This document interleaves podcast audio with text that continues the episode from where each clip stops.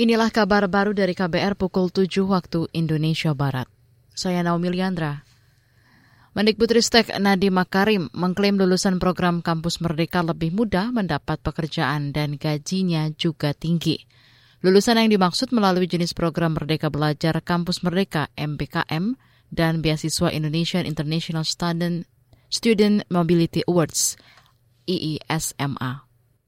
Kampus Merdeka ini memberikan dampak yang sangat positif dan tentunya ini tidak bisa terjadi tanpa dukungan LPDP. Itu ditunjukkan dalam dua statistik. Anak-anak lulusan MBKM, anak-anak lulusan ISMA itu mendapatkan pekerjaan jauh lebih cepat dan gajinya pada saat dia masuk ruang pekerjaan jauh lebih tinggi. Jadi luar biasa.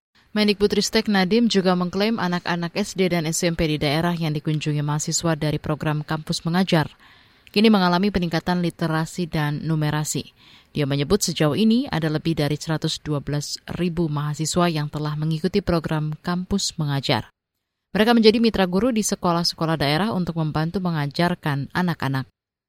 Menteri Kesehatan Budi Gunadi Sadikin meminta Menteri Keuangan membiayai seribu dokter spesialis melalui program Lembaga Pengelola Dana Pendidikan LPDP.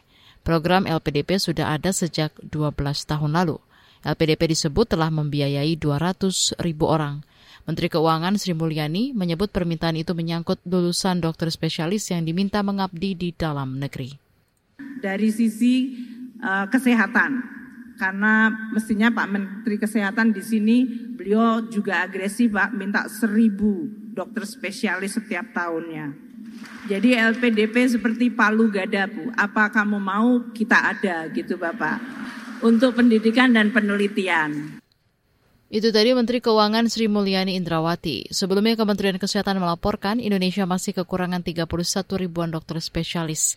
Jumlah dokter spesialis saat ini hanya mencapai 46 ribuan dokter. Kita ke berita luar negeri. China berencana membatasi penggunaan internet pada anak dan remaja. Regulator internet China, CAC, mendorong produsen gawai dan platform sistem operasi untuk membuat program yang bisa membatasi penggunaan gawai bagi anak usia di bawah 18 tahun.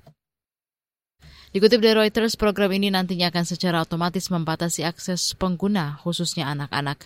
CAC mengusulkan pengguna berusia 16 hingga 18 tahun diizinkan menggunakan gawai atau mengakses internet hanya selama 2 jam sehari. Anak-anak berusia 8-16 tahun mendapatkan waktu akses selama satu jam sehari dan anak-anak di bawah usia 8 tahun hanya bisa mengakses internet selama 8 menit sehari.